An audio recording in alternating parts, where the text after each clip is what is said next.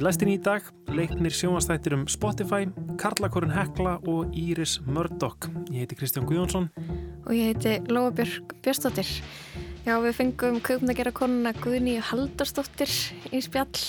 Þú ert mætt hérna með svona einhverja leikskrá uh, fyrir myndina hennar Karlakórin Hekla. Af hverju ertu með þessa leikskrá og af hverju allar Guðni sko, að koma að spjalla það? Sko, hún færði mér þessa, bara, hún færði mér þessa leikskrá. Mér steyla bara geggja að gera leikskrá með bíómynd. Það er svona myndir af öllum personunum og upplýsingar og svona myndir úr myndinni. Um, sko, Þessi mynd er 30 ára, hún kom út í desember 1992, var jólamyndin það árið í Háskóla Bíó. Já þannig ég ákvaði að heyri henni og svo, líka svo forritin að vita sko hvernig það er að vera kvennkins leikstjóri, hann leikstjóra grínmyndum á Íslandi, um, hvað svona er svona fáar grínmyndir gerðar á Íslandi og svo líka bara hvernig það gekk að leikstýra 30 karlmönnum um borð í skipi. aðtilsvert, við heyrum það á eftir eh, við heyrum líka pistil frá Ástísi Sól Ágústóttur sem að allar fjallum einn af sínum eftirlætis rittvöndum Írisi Murdoch siðfræðing sem að skrifaði ógrinni skáldsagna og vanga veldur um munin á skáldskap og heimsbyggi En við töluðum aðeins um Spotify hérna í byrjunveikunar í, í lastinni og svona fyrirhugar breytingar á þessu foröndi Við ætlum að halda áfram Já, algjörlega, ég er búin að vera að horfa á sjónvastætti, leikna sjónvastætti um eh, upprunasögu Spotify. Hefur verið að velta þessu mikið fyrir mér og ákvaða að fá til mín uh, tvo góða gesti til þess að ræðum þess að þætti. Hvað er den enda grejen Silicon Valley inte lyckas med? Att bli rik utan att bli ett jävla a-hole. Musik.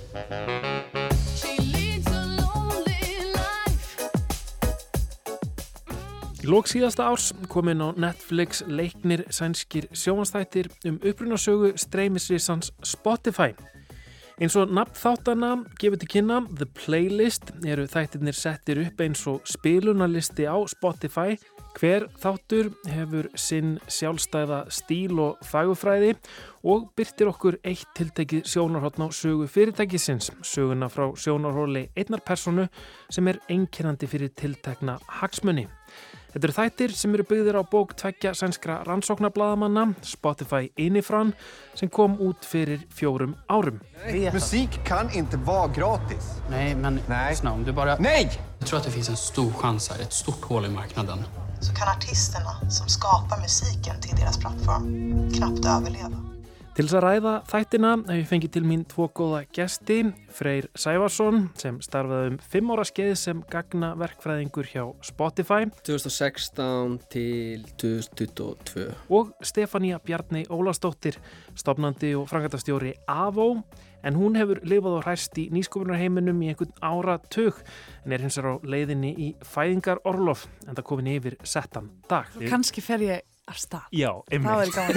það væri best. Það væri náttúrulega rosalegt út af. Það væri rosa vel þegi. Við byrjum að ræða hvernig svíjar lít á þetta risastóra fyrirtæki sitt Spotify og stopnandan Daniel Ek sem er til umfjöldunar í þáttunum. Er hann óumdelt óskapann þjóðarinnar eða hvað?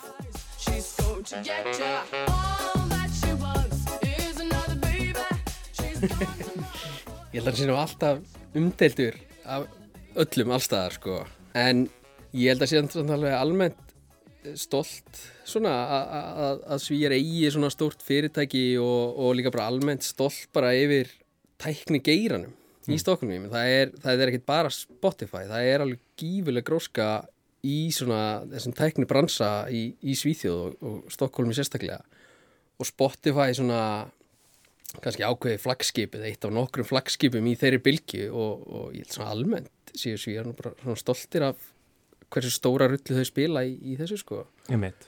En hann, hann er auðvitað sérstakur karakter og, og svona fjárfesti ímsu, held að hann hefur fjárfesti í ykkur svona hergagnaframlegslu og eitthvað svona, þannig að hann, hann er... Það var ekki sérlega verið tekið í það einu fyrirtækisins, get ég sagt. Já. En hérna, hafandi hérna, starfað hjá Spotify, svona þekktiru upprunasögu fyrirtækisins, hafður uh, eitthvað kynntir hana? Ekki þannig sko, ekki áður henni byrja að vinna þar, en þessi upprunasaga er eh, svo sem alveg hvað maður segja, svona, svona partur af bara starfsmanna þjálfun líku við sko, það er eh, sem sagt allavega þegar ég byrjaði voru allir nýjir starfsmenn byrjuð í sem intro days sem var bara heil vika allir nýjir starfsmenn allstar í heiminum komið til Svíþjóðar og þetta er Stokkólms og, og, og þar var svona einmitt verið að segja eins og sögur af, af þú veist, uppruna fyrirtækisins og þeir voru hérna allir Daniel og Martin Lorenzson og og auðvitað að segja sína hliðasögunni og eflaust eitthvað færuð og, og, svo leið sko en, en, en þannig að þetta er svona partur af kúltúrinu minna fyrirtæki sem svolítið að, að þekkja þessa sögu einhverju leiti sko. Ingen vill betala för någonting som de kan få gratis och en ny gryning kan börja. Om inte vi stänger ner dem snart, ja, då finns det ingen bransch kvar att rädda. Du har tänkt att köra en demo här på gatan? Är inte som någonting annat du har sett förut. En laglig streamingservice. Ja. Och det här är ju helt otroligt. Já, forsvarsmenn Spotify rækta mítológíuna í kringum fyrirtækið en undanfartna áratíi hafa sögur frumkvöla í tækningeiranum einmitt oft farið að öðlast góðsagna kendan blæ, dýrlinga eða skúrkasögur sem byrtast í bókum og bladagreinum og síðar í bíómyndum og sjómarpi frá Steve Jobs til Mark Zuckerberg og Elizabeth Holmes. En hér er ekki verið svo leið að segja frá æfi hetjunar á bakvið Spotify Stofnandinn Daniel Egg hefur vissilega orðið í fyrsta þættinum en næstu þættir byrt okkur söguna frá sjónarhóttni yfirmanns gamaldags útgáðuferðarteikis, peningamannsins á bakvið Spotify, eins forritara með hugssjónir, höfundaréttarlögfræðings og hæfileikaríkrar tónlistakonu sem nær ekki endum saman.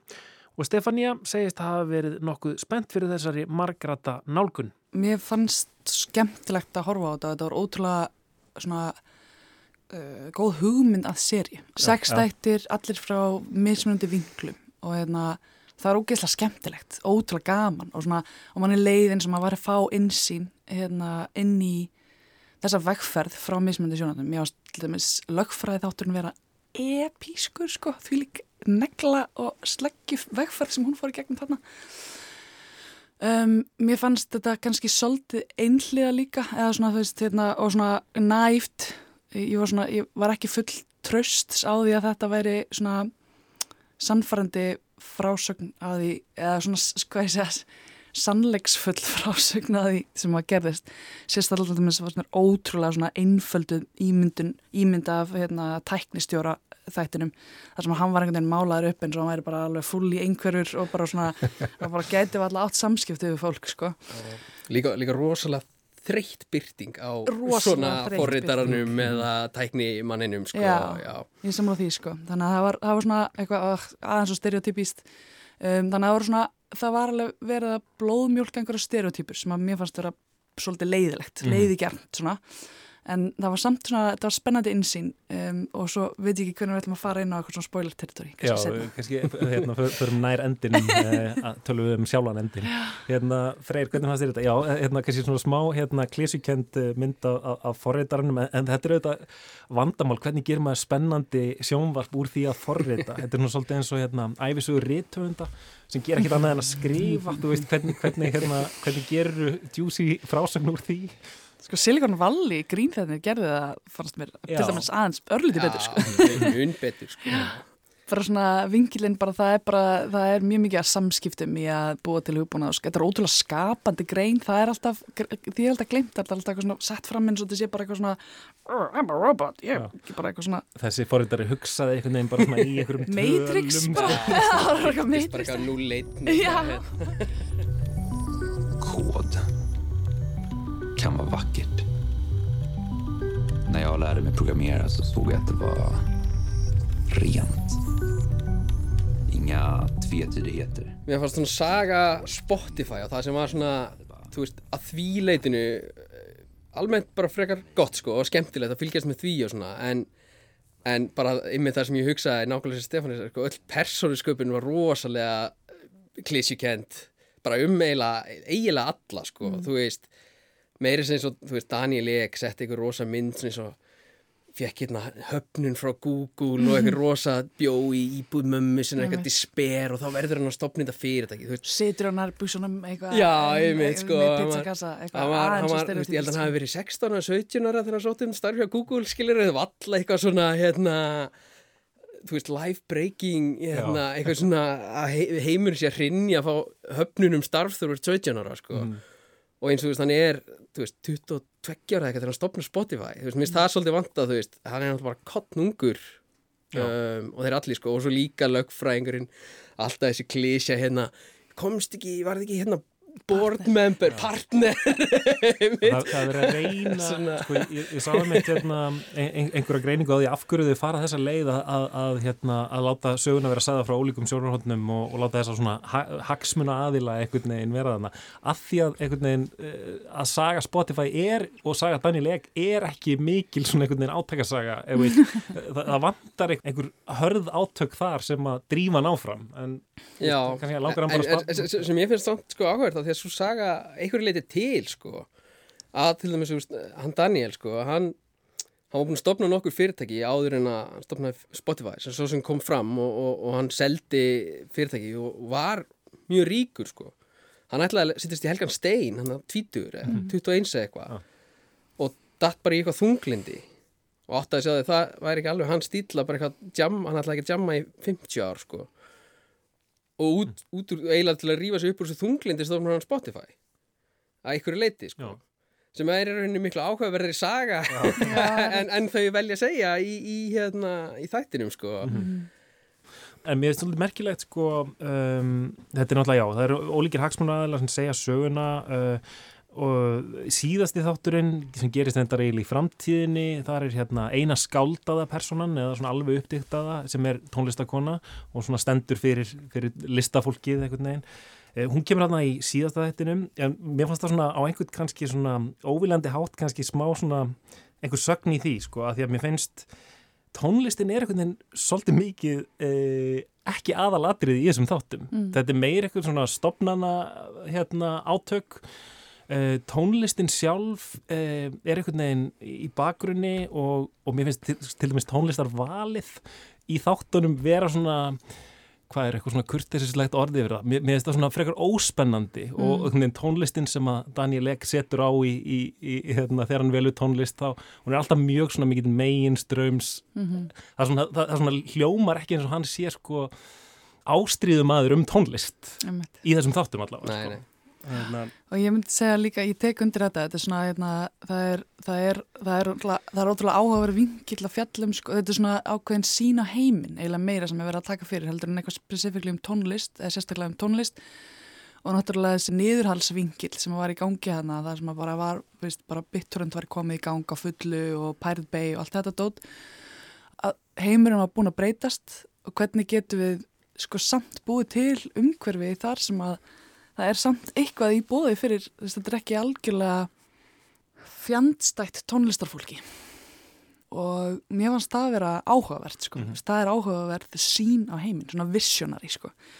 Uh, og svolítið flott og skemmtlegt, veist, og, hérna og ég kaupi það, veist, þetta er ótrúlega flóki mál, tónlist er orðin eins og maður segir á ennsku commoditized, ég veit ekki hvernig ég segi það Mhm. á íslensku, þú veist, þetta er orðið bara svona sjálfsæðar hlutur uh, þú ert ekkert að kaupa þér hérna plötur lengur nema og sért alveg bara svona djúft í því og það er bara já, þannig að þetta, er, þetta er allt saman ótrúlega áhugaverið vingill á hérna tónlistargeiran og sköpun og svona bara svona sín á heiminn og hvernig tækni og interneti er að breyta og hefur síðustu 20-30 ár gerðsannlega breytt heiminum.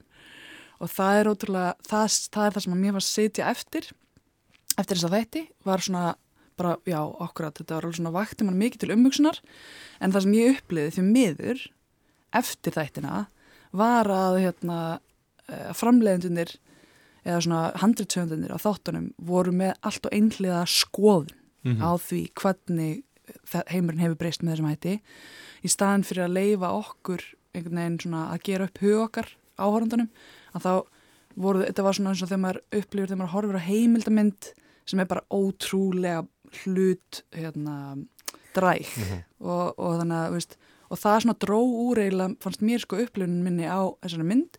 Og ég hugsaði líka hvaða afleðingar hefur það fyrir hinn almenna áhöranda mun það valda því að fólk fer sko meira í svona pushback?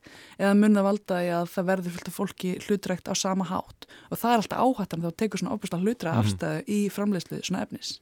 Það hvernig þættinir eru skrifaðir ætti eiginlega að gera þeir gagstæði og, og markmiði virðist vera að segja, heyrðu, þetta er nú ekki svo einföld saga, það, það er allir, allir með ólíka sín en sagt, hver þáttur er frá sjónarhóli mismundi personu, hún segir sögun á sinn hátt, það er, það er aðeins svona ólík áferð og ólíkur stíl á þáttunum. Ég reyndar fatta það svolítið seint. Ég hef, hefði mátt fara lengra með það.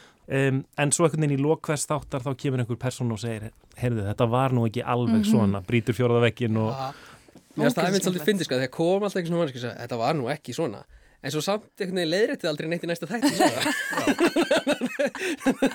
svona.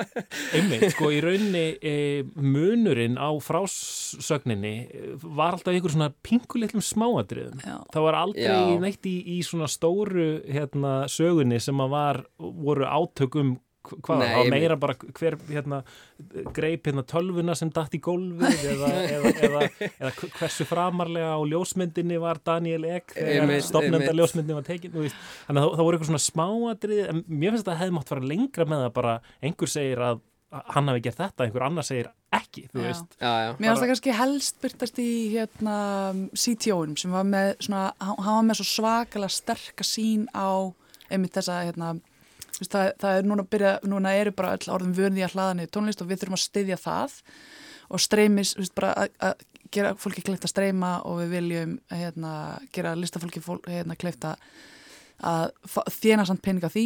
En, en, en hann var áttu mjög erfitt með að vera með einhvers konar tekjumótil þú veist, og þannig að mér varst það, það, var, það var þá hjá á milli hans og Líkal og hans og svona Martin Lorenzen og hans og Daniel Egg sem var kannski helstu konfliktanir myndi ég segja sko, svona um hvernig eitthvað svona alveg svona bitastætt átti sér stað the artists consent to everything, we're not charging anyone a penny. This is a win-win situation, a new business model for a new kind of music industry. Well, the Musicians Union calls it payola. And Senator Madison Landy of the US Senate wrote Spotify a letter expressing significant concern that we are participating in anti-competitive activities. Well, that's not fucking good. endirinn hefur verið svolítið svona umdeildur og, og hérna, hann er kannski svona já, nú bara setjum við svona hérna, viðvörun að, að þeir sem ætla að horfa á þættina og, og, og vilja ekki heyra neitt um loka senuna um, þeir geta bara sett eitthvað í eirun um, sem sagt, uh, í, í loka senunni þá einhvern veginn, fellur einhvern veginn sviðsmyndin og, og allt í einu er, er okkur sínt að þetta séu nú bara sjónvastættir og við erum allt í einu stödd á setti tökustað sjónvastáta og í rauninni verið að kannski segja okkur, heyrðu já, þetta er nú bara skáldskapur, einhvern veginn svo leiðis. Hvernig, hvernig fannst ykkur þetta virka? Þetta hefur verið svona svolítið umdilt, sé ég, í, í, í, umfjöllun gaggrínenda. Já, mér fannst það gersanlega eiðilegja seríuna, alla seríuna sko. af því að Ok. upplifin mín að því þegar að þetta var þegar allt í henni var komin fiksjón þáttur og sérstaklega að því að tónlistakonan var hana, hérna í aðal hluturki í þessum fiksjón þætti þessum skáldaða þætti uh, og þegar var allt í henni komin skáldaður þáttur að þá bara gróða undan öllu tröstinu sem ég hafði um að væri nokkuð sannleikskorn í neinum af öðrum hinum, hinum vinklunum og kannski sérlega út af því að það var komin svona ótrúlega beinhörð afstæða bara þetta var, það varð svo, kom svo skýr afstæðan í loka þættinu, bara svona þú veist, hérna Daniel Egger vondur maður, þú veist, það var bara einhvern veginn svona, hérna, það á að vera take-away þitt úr því að horfa á hana þátt einhvern veginn.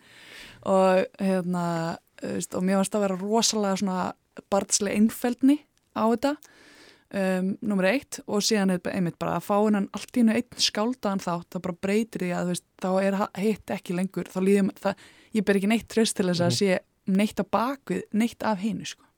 En en er það ekki samt, mér finnst það, það ekkit endilega verra sko, því að hérna, ég held að við mjög oft svona tökum með mitt svona uh, skálda þætti sem eru byggðir á sönnum atbyrðum eiginlega sem of mikið fréttaefni í rauninni. eins og Crown Já, já, og, og maður bara svona, já, er maður nánast fer að ímynda sér sko, hérna, drottninguna, þú veist, sem Olivia Colman, þú veist, eða eitthvað þannig. það er þetta rosalega góð búndur sko. En já, mér fannst svo sem ég var meira bara svona, huh, þetta Já, lokaðri, mér var alveg sama, sko, Mm. En, en hérna, antiklamatik einhvern veginn. já, svona, já, já, þátturinn bara búinn, Já. já, ok, uh, hérna, en, en það kannski spilar inn í eins og þú segir að þú hefur upplifað svolítið svona mistrú, en þú veist, ég upplifið það ekki, sko, að því að, að því að mér fannst þátturinn í mjög mörgu og því sem ég þekki, þú veist, var mjög réttur, sko, þú veist, til dæmis allt þarna tækni, jargonið í, í tækni þættinum og það, það var meira minna rétt sko og, og hérna og mér til dæmis mjög fyndið að hérna þú veist, upprunlega kóðara teimið til dæmis.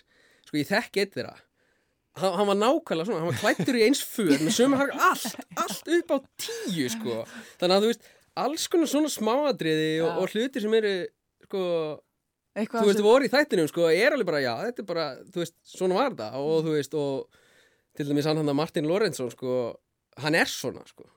Þú veist, hann er svona svakalega íkt típa og veist, ofvirkur og- og þú veist, það, þú, það fyrir aldrei framhjáðar ef hann er sko í minn en 100 metra fjarlæg frá þér sko þú veist, og, og alls konar svona þannig að, já, þannig að ég upplýði ekki að, einhvern veginn, að, en, en það er kannski að því að þú veist, að ég náttúrulega bara vissi hversu margt að þessu væri rétt sko Já, eh, og ég, var að ég, gera, ég, sko. ég svo sem eins og hérna, mikið af þessu tæ, öfnilega var til dæmis koma einhverjum tímabóti heimsók til okkar í quiz-up sko, Vanilla, það var mjög gaman en já, og það er alveg rétt. Veist, það var alveg dótarna sem maður hafði svo sem alveg trú á. En minnst þetta rosalega sérstaklega góð punktur hjá þér Kristján, þetta er svona, þetta hjálpar til við að halda manni aðeins sko á jörðinni með bara, ég, þetta er skálda þetta er ekki heimil þáttur um Spotify. Þannig að það er kannski bara mjög góð punktur. En mér varst þetta samt allavega opaslega antiklimatik og þá stend ég allavega með þessum það var alltaf mikil afstæða sko. Þetta voru þau Freyr Sævarsson uh, gagna verkfræðingur uh, sem starfaði áður hjá Spotify og Stefania Bjarnei Ólastóttir nýsköpunar kempa um, stopnandi og frangatastjóri AVO og verðandi móðir. Þau voru svona, já, mishrifin af þessum þáttum og ég er nú eiginlega bara sammálað þeim. Sko, mér finnst það mjög aðtilsverið þættir og, og mar margar svona Já, margt skemmtilegt í þeim en um, mein gallaðir af mörguleiti og svona, hérna, ekki bestu þetta sem ég sé ég myndi alveg mæla með að fólk myndi kíkja á það samt. Mm -hmm. Þetta er svona fyndin meðmæli að mæla með ykkur sem er samt ekkert sérstaklega gott hvort Já. að fólk taki marka á því sko. En það er aðteglisvert þó það sé Já. kannski ekki um, hvað ég var að segja háklassa sjónvarp Mhm. en já, aðteglisvert saga aðteglisvert nálgun Mhm. En mér langaði að segja eitt, Lóa, hérna, að því að síðast uh, þegar við vorum að tala um Spotify á mánudag, þá hérna var ég að tala um Jónu Newsom, tónlistakonuna bandarísku, sem er svona eina af þeim fáu sem að ég veit um af svona þekktum listamönnum sem hafa, sem sniðganga Spotify algjörlega, eða, eða er ekki ná Spotify og ég vissi ekki af hverju, sko. Um, en ég eh, googlaði þetta og um, ástæðan er augljós, bara henni finnst uh, Spotify ekki vera að borga listamönnum nógu mikið og, og hérna, en hún er inn á Apple Music og, og Deezer og öðrum svona streymisveitum Tidal. Um, en hún hefur svona í viðtölum í gegn tíðina verið mjög svona óvægin í garð um, garð Spotify talaði um, talaði um að Spotify sé banani tónlistabransans ég veit ekki alveg hvað það Nei, ég veit þýða. ekki alveg hvað það heldur. og svo, svo talar hún um að, að hérna, Spotify sé sko villainous cabal of major labels svona e, í, sl, svona vond leinimakk hérna e, stóru útgáðufyrirtækjana til þess að, til þess að taka peningin af, af listamönnum Ok, Þannig- ég, veldi því svona fyrir mér sko hvort að tónlistamenn sem að ákveða að gefa ekki út á Spotify uh, hvernig þetta kemur út sko upp, hvernig uppgjöruð er hvort að þú tapir eða græðir á því, hvernig fyrir peninga an, annars á okkur Einmitt. streymi Mhm. og þú veist hvort þetta sé þá ekki bara meiri yfirlýsing og meiri svona pólitísk aðgerð heldur en eitthvað sem kannski raunverulega borga sig að gera, ég er svona veldi fyrir mér Jú, þetta er auðvitað einhver svona siðferðilega afstæða en, en hún er greinilega á hinum streymisveitunum sem að borga meira líklega, það Mhm. lítur að vera tætal alltaf stopnuð til þess að fólk Mhm. þurft ekki að vera á Spotify geti fengið meira borgað.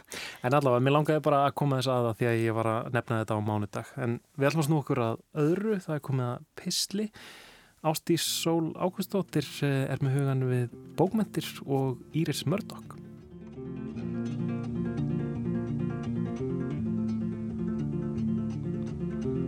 You thought that it could never happen to all the people that you became.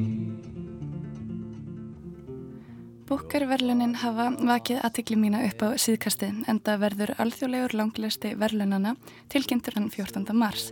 En til hlýðar hefur staðið yfir leitin að nýju nafni fyrir endur nýjaða verlunastittu. Verlunastittan sem barnabókahöfundurinn Jan Pjankovski hannaði fyrir fyrstu verlunaafhendinguna árið 1969 en fjall þó úr notkun á 8. áratögnum hefur verið tekin aftur í notkun til að heyra minningu Pienkowski sem lést fyrir rúmu ári. Eftir langt og strempið ferli hefur domnemd valið sex nöfn sem velunarar búkar verðlunana fengu að kjósa um fyrir stuttu. Nöfnin eru Beril í höfuðið á rítvöndunum Beril Bainbridge, Mínarva eftir rómunsku giðju visku lista og ljóðlistar, Calliope í höfuðið á grísku músu, mælsku og ljóðlistar, Berni í höfuðið á Bernice Rubens sem var fyrsta konan sem vann búkarverlunin árið 1970 og Bernadine Evaristo sem var fyrsta svartakonan sem hlaut verlunin árið 2019. Síðan kom pólskanafnið Janina til greina sem er meðal annars í höfuðið á hönnuðinum Jan Pienkowski og síðast en ekki síst nafnið Íris sem vísar í gríska sendibóða Guðana en einni í höfuðið á einum mínum uppáhaldsriðtöfundum henni Írisi Murdoch sem vann búkarverlunin árið 1978 en hefur einnig verið tilnemd sjö sinnum. Sjálf vissi ég alveg hvaða nafn fengi mitt atkvæði.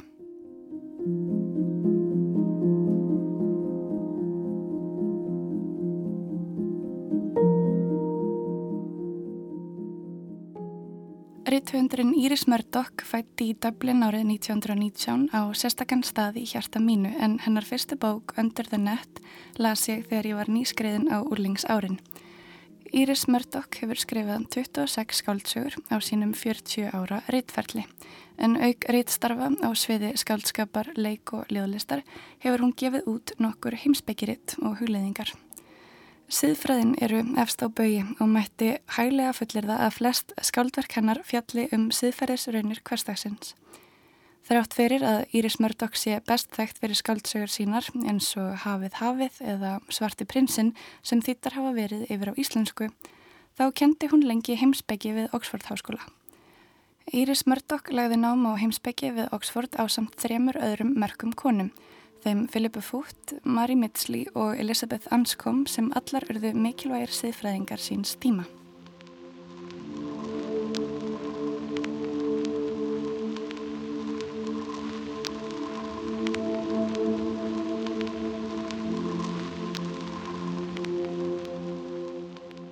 Á námsárum sínum hófst setni heimstyrjöldin og voru því lang flestir karlmenn skólans, nefnundur sem og kennarar kvattir til herþjónustu. Þá var til ný heimsbyggjahefð sem gaggrindi ymsar hugmyndir heimsbyggjasögunar sem hafði hingað til mestmægnis verið rituð af karlmönnum. Þá sérstaklega í ljósi hamfarana og þeirrar örmagnandi hrörnunar sem stríði bar með sér sem heimsbyggingar fortíðarinnar höfðu ekki beinlýnist komist í kynni við. Þessar fjórar konur í heimsbyggjadeildinni voru ansi samstíga um margt en þegar á leið þráðust hugmyndir þeirra og eftir kjænsletíð sína við Oxford Háskóla fór Íris Murdoch að skrifa skáldsögur á meðhraða. Bókinn sem ég er að lesa þessa stundina, The Nice and the Good, sem er langar træglega að þýða sem hið almennilega og hið góða, ber þennan aðteglisverða titil sem er raunar brennimertur siðferðis innihaldi sínu. Markir getu haldið að skáldsögur siðfræðings myndu snúa að spurningum um dráp, glæpi, refsingu og lög en raunar eru áherslur Írisar Murdoch allt aðrar.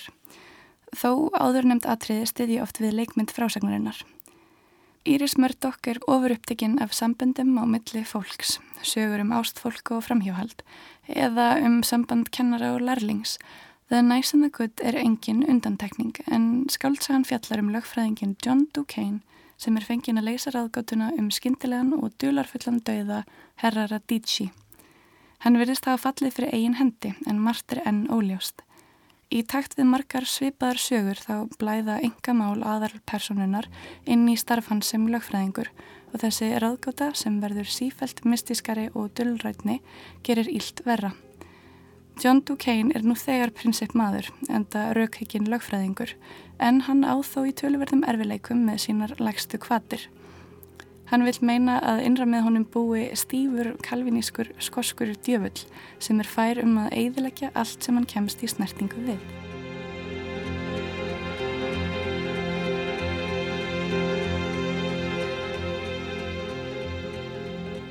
I step into an avalanche It covered up my soul John Duquesne er einstæður auðugur piparsveit en á þó tvær ástkonur. Önnur þeirra gift yfirmanni hans og leggur svo kona mikið upp úr því að samband þeirra sé skýrt og sólríkt. Að ástinn og velviljin séu bæði tær og sönn en hinn ástkona Duquesne er frá fyrirtíð en hann næri ekki að slíta sambandi við hana. Þrátt fyrir að vera stattur í hálfgerðri siðferðisklemmu þá er hann með háleitar glæsilegar hugmyndir um hvað það er að vera góður. Lesendur eru þó fljóttir að átta sig á takmörkuðum skilningi hans og hvernig hann er raunar leikrækn í framkomu sinni án þess að vera meðvitaður um það. Einn leikil hugmynd hans um hið góða er þverstæða sem plagar hann alla söguna. Annars vegar er það mikilvægt að geta ímyndað sig sem góðan En hins vegar getur þessi ímynd, þessi hugleðing um eigin góðmennsku hindrað allar framfarir í einmitt eigin góðvild. Hér er kannski leikilatriði þessi afar mannlega hugmynd um framfarir eða bætingu öllu heldur sem í er að því að þið góða sé eitthvað sem verður, sem vilji okkar krefst að verði til og geti aukist Hér hefur Íris Murdoch skapað sögu personu sem er holdgerfingur siðferðishugmynda sem hún sjálf er á einhvern hátt ósamála. Rúmu ári eftir útgáfu The Nice and the Good árið 1969 gaf hún út reytgerðina On God and Good þar sem hún fullir þér að þið góða eigi raunar ekkert skilt við hugmyndina um tilgang. Því mætti segja að góðmennska á nokkurs tilgangs sé hinn eina sanna byrtingamind hins góða. Hugmyndir um framfarir, bætingu, vilja, vinnu snúa sér aftur inn að sjálfinu og frá tilgangsleysi hins góða.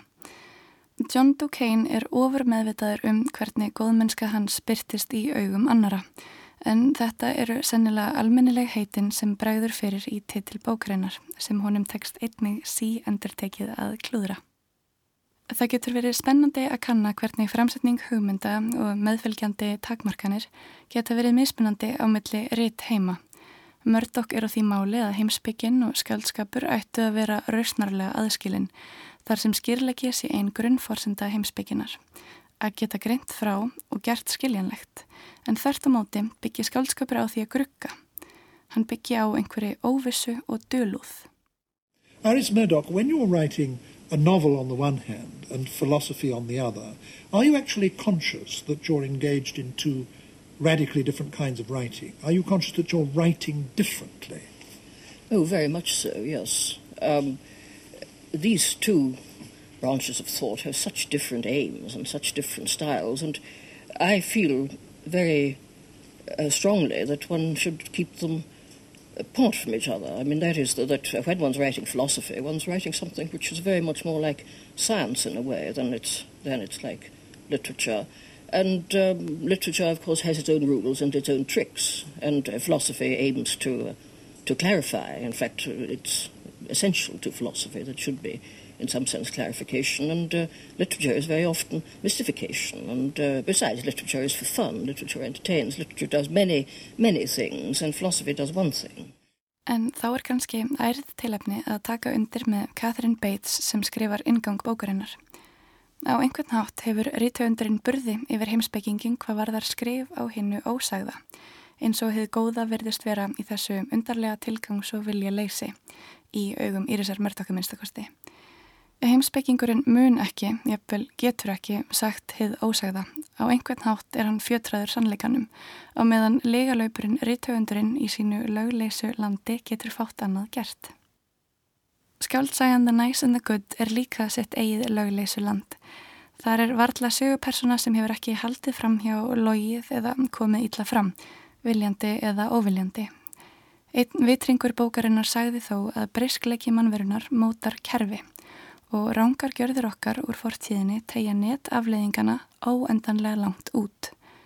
Við erum ekki góðar manneskur og verðum að eilífu ofinn inn í þetta mikla net, en það væri þá fyrir öllu að við reyndum að vera blíð og sína mildi.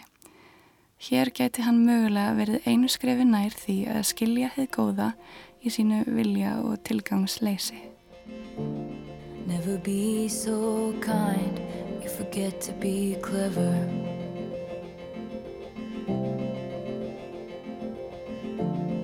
never be so clever, you forget to be kind.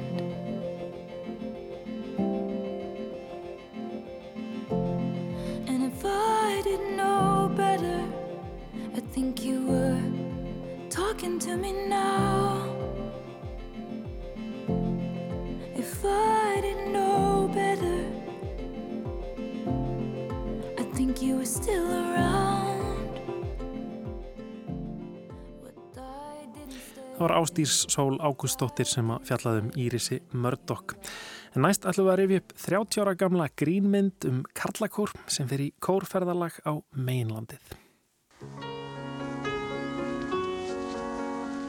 Þig sem í fjarlæð fjöllin bak við dvelur og fagrar vonir tengdir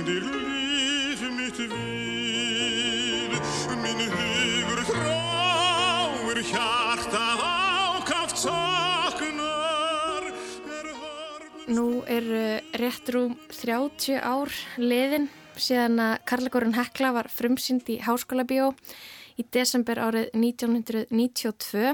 Á sunnudaginn í Bíóparadís verður hátíðarsýning á myndinni klukkan 5. Hingað í lestina er komin Guðni Haldurstóttir kveikmyndagera kona sem skrifaði handritið og leikstýrði Karlagórnum Heklu. Værstu velkomin Guðni. Takk að þið fyrir. Gúmmistíðir? Gúmmistíðir, nei, ég þarf þau ekki með. Þú þarf þau víst. Mæstu hvernig ringdi síðast þú vorum úti? Leðurskotnir skelltust allir í vasselgna? Já, já, ég segi sér svona. Nú komin 30 ár síðan að þið lögðu land undir fót, heilt tökulið og tókuð upp þessa mynd sem að hún byrjar í hveragerði, svo heldur þið til Svíþjóðar og Þískaland, svo var helling tekið upp um borð í skepi og ég get ímyndað mér að þetta hefði verið smá flókin framkvæmt. Hvað er svona eftirminnilegast þennan tíma? Það er nú margt eftirminnilegt eh, að því að eh, eins og þú segir þetta var stór framkvæmt, þetta var, voru margir sko, eh, við vorum með svona eh, 30 manna kvikmyndatöku lið og svo voru 30 menn í kórnum og svo fulltaleikurum. E, e, þetta var flókin framkvæmdu alltaf en, en hún einhvern veginn e, gekk upp Uh, og það var út af því að hún var svo rosalega vel undirbúin og vel undirbúin var hún að því að Kristján Jóhansson átt að leika aðhlutverki sem Garðar Kortes og leik og hann var að syngja í stórum óperuhúsum út um heim og, og sagt, við vorum búin að gera upptöku áallina alla í kringum hann þannig að það þurfti að taka frí þrjárvíkur og svo gáttu við berið aftur En svo viku fyrir hérna, fyrir töku, þá bara segir Kristján upp og bara segist ekki, segist ekki geta þetta tímanlega og svona. Og, og við ringjum í Garðar sem þá var óperustjóri í, í Gautaborg, viku fyrir töku. Hann bara stekkur í þetta? Og hann þessi elska stekkur í þetta og, og, og þetta er eitthvað besta ákvörðun sem að Kristján Jóhansson hefur tekið mm. að hætta við og Garðar fekk, fekk rulluna því að hann gerir þetta svo vel og hann er svo sætur maður og, mm -hmm. og er, þau. Veit, er það, það þessum sem þessi sena í, í óperuhúsinu í Þýskalandi þar sem að allir, allir halda á, á tónleika með Kristjáni Jóhansinni og svo mætir hann ekki og er veikur. Já, ég þurfti að breyta handritinu. Þannig að þú skrifaði inn þessa senu? Bara... Og ég skrifaði inn þessa senu og þá kom þarna konu svo því miður er Kristján Jóhans og veikur en þau munu heyra í íslenskum kallakór. Já, ég var að breyta handritinu vegna þess að að þetta, það var knappur tími til þess að við vorum búin að undibúa svo mikið búa til stórt skilti sem ástóð Kristján Jóhansson sem tók yfir allt óperuhúsið í Achen í, í Þýskalandi og, og þannig að, að við bara, ba, ég bara bætti inn í sko. Mm -hmm. Um veit, bara, uh, maður retta sér. Já, maður retta sér og hérna, já, en þetta var flókið að því leitinu til að við vorum að taka í mörgum löndum. Mm -hmm. og ég man alltaf eftir því sko ég valdi í kórin eh, ég valdi menn sem ég þekkti og svona vini mömmu og pappina dittuar og alls konar indislega kalla sem var sungu vel og, mm -hmm. og hérna og ég tristi sko því að svona þegar eru margi kalla saman í útlundu þá er þetta alltaf fullir og ég var svo sko hættum að lenda í því að þeir eru fullir allan tíma þannig að ég vandaði valið Var það síðan ekki raunin? Var þetta ekki fyllir í sverð? Nei, sko, en þegar þeir koma á staðin uh, í þarna, þar sem við vorum fyrir uh, í hitt Tommi Lilla, mjög púkalög staður Í Svíþjóð. í Svíþjóð, Mhm. eða Tommi Lilla já, ég man, ekki hvað hann þetta já, ég nema hvað að, að þegar þeir komu þá voru þeir svo fullir allir og við hefum verið að taka eitthvað að, að þeir, þeir stóð ekki sem mér Mhm. Og ég brotnaði saman og ég hugsaði, ég get þetta ekki Já, hvaða verkefni var ég að taka mér?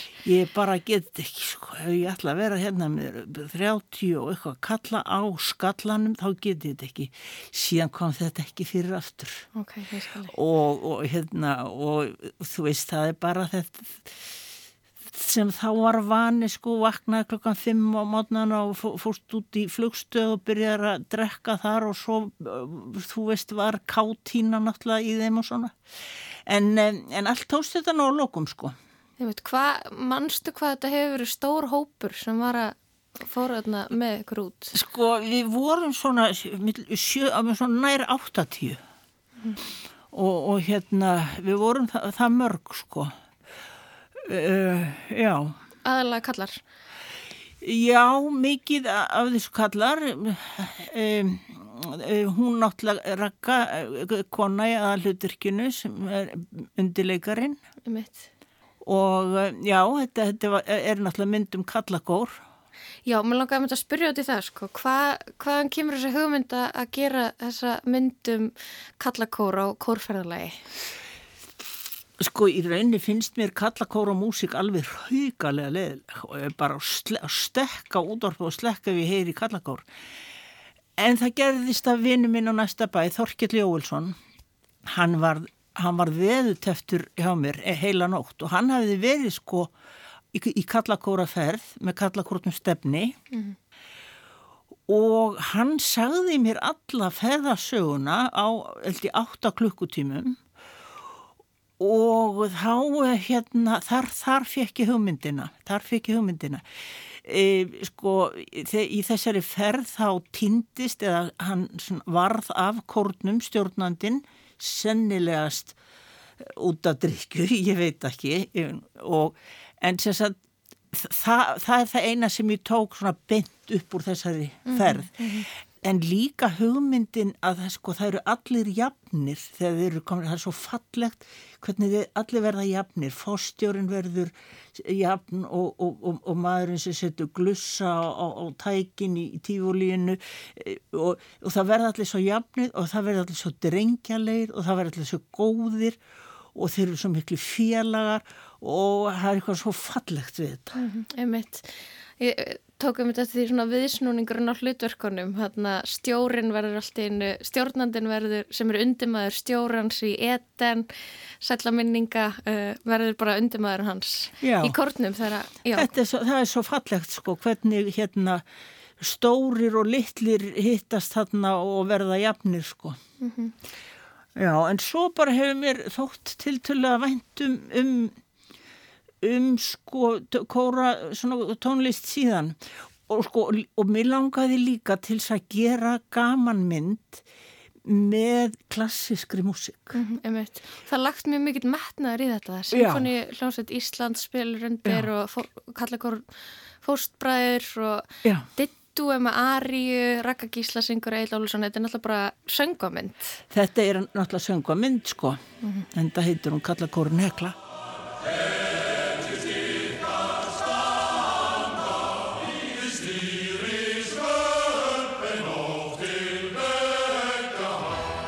Ditti Fýðla, hann gerði músíkina og hann er alveg óskaplega eh, lagviss maður. Ég, held að hann sé lagvissasti maður sem ég kynst á efinu og rakka, þau eru bæði alveg aðla lagviss.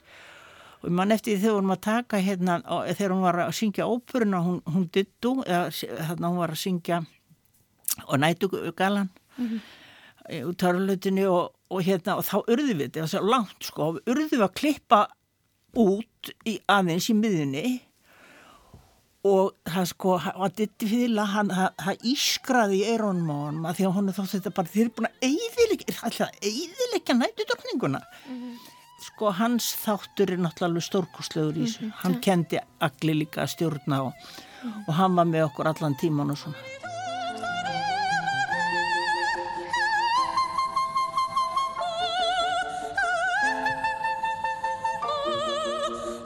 þú gerir þessa 90's grín gullmóla, Karlakórin og Stellu í Orlofi, þetta leikstýra og skrifi árumótskaupinu. Um, langaði alltaf að gera grín, lág áhugin alltaf þar í kvikmyndagerð. Já, sko, já, grín, já, og, og, og líka alvöru. Ég, ég, ég langaði til að hafa þetta, hafa þetta sko, til skiptis grín og alvara og það var svolítið svoleiðis, eh, hérna sem sagt mín, mín vinna hefur verið þannig að ég ger alveg hræðilega sorglega myndir og svo útflippar gamamyndir mm -hmm. já, það bara fer eftir í hvernig maður er stemdur sko, maður tapar yfirleitt á alvarlegu myndunum og þá gerum maður gamamynd til þess að hérna, eiga upp í skuldirnar mm -hmm. og svona var þetta hjá okkur. Og þannig rúla boltin um, þá er það þessi svona óumflíjanlega spurning sem þú er kannski erum þreytt á að svara en hvernig fannst þér þið svona tekið sem svona kvennkins leikstjóra sem að, og handritsögund sem vildi gera grín? Uh, sko, mm, í, það gekk nú ekkert erfilega hjá mér, það gekk erfilega fyrir mig að koma, komast inn í skóla sko. Mm -hmm. Ég reyndi að komast inn í skóla í Ameríku og ég reyndi að komast inn í skóla í Svíþjóð og kallin þar saði ungveri sem allir elskuðu, hvað er íslensk stúlka alltaf sér að fara út í kvikmyndalegstjórn mm -hmm. og svona veist eins og ég væri bara hérna alveg einhverju eilín mm -hmm. nei, nei, en hérna og endaði í London ég, ég endaði í London, sko mm -hmm. og ég var, sko ég var með það góða undirstöðu bæði hérðan úr ríkisútarpinu hefði verið skrifta hérna í mörg ár og og, og, og svo vann ég frílands í mörgum myndum og ég var með það góða undirstöðu að það var eiginlega ekki hægt að hérna að segja neyðið mig mm -hmm. og, og þú veist, ég var, var kunni ímislegt fyrir mér mm -hmm. út af því að ég hafði unni svo mörgum myndum og, og, og í sjónvarpunni sem er besti skóli sem ég hef lendi í. Mm -hmm.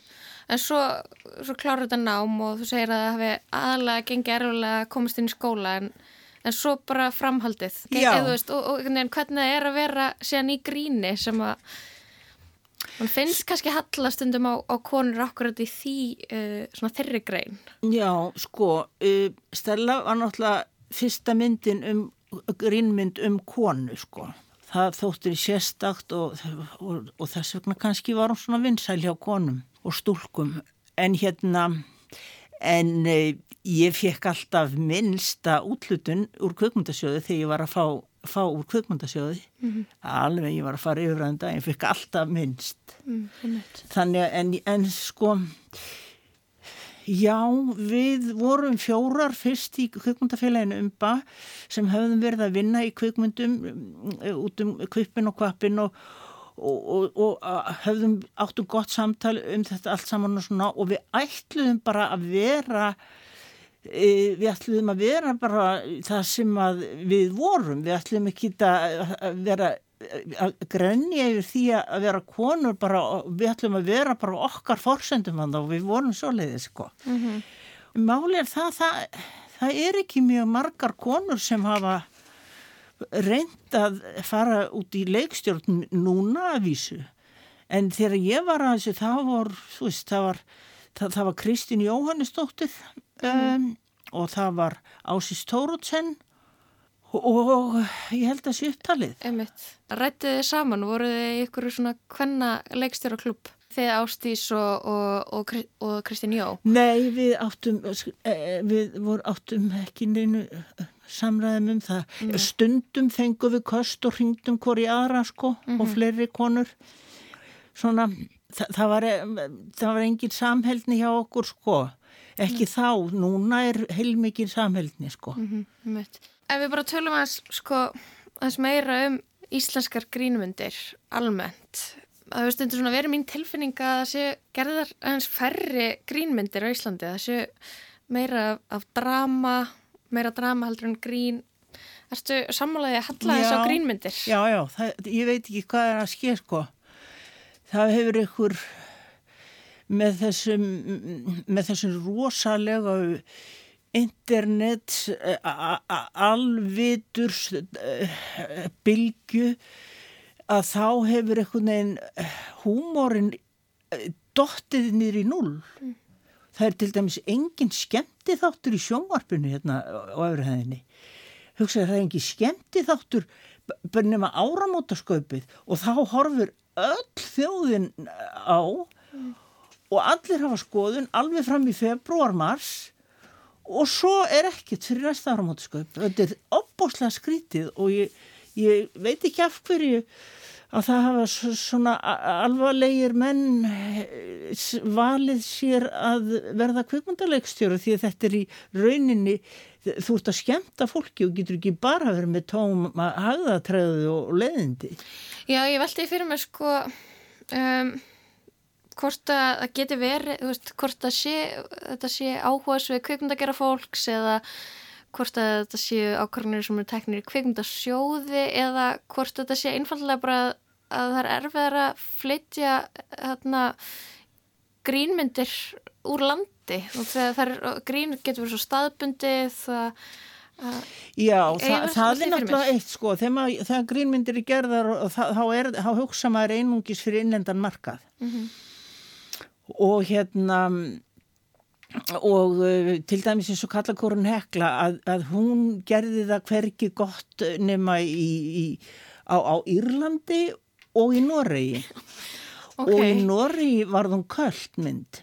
Og ég man þegar við fórum á kökmundhátti en hann aldrei lendiði fyrir að þá byðu tveir aðilar eftir mér til að fá að kaupa myndina og hérna og þeir kefti hana. Og síðan var það kvöldmynd hjá sko svona yngra fólki og það og, og það voru, það voru háskóli og þeir voru síndana alveg hreint konstant og, og spurðu hvort ég geti sendið mér eitthvað props úr myndin eða eitthvað. Og ég sendið þeim flagg, kallakurinn heklu flagg og eitthvað meira svona stöf og hérna og þeir höfðu ofsalan húmór fyrir henni þar sko gamanmyndir eins og segir það er verið að gera sko, það er svo verið að gera grína þjóðasálinni og það kannski næri ekki svo mikið út fyrir landsteinina og maður áhaldur ekki að vera að, að verða alþjóðlegur í gamanmyndum. Það, það er bara uh, halda sér bara uh, að vera bara á íslensku skóm. Nú ef vel tekst til þá er það voða gaman. Mhm, um mitt.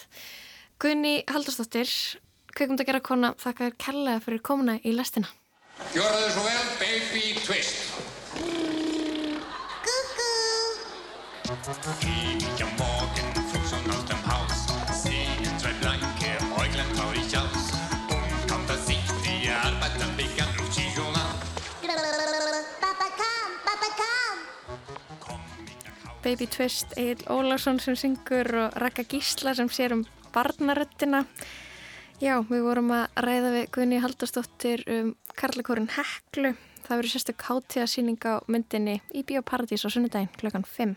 En þá eru lestin ekki mikið lengri í dag. Nei, eh, við verðum hérna auðvitað á sama tíma á morgun við Kristján og Lóa þakkum fyrir samvildina. Tæknum að var Lítja Gretastóttir. Verðið sæl.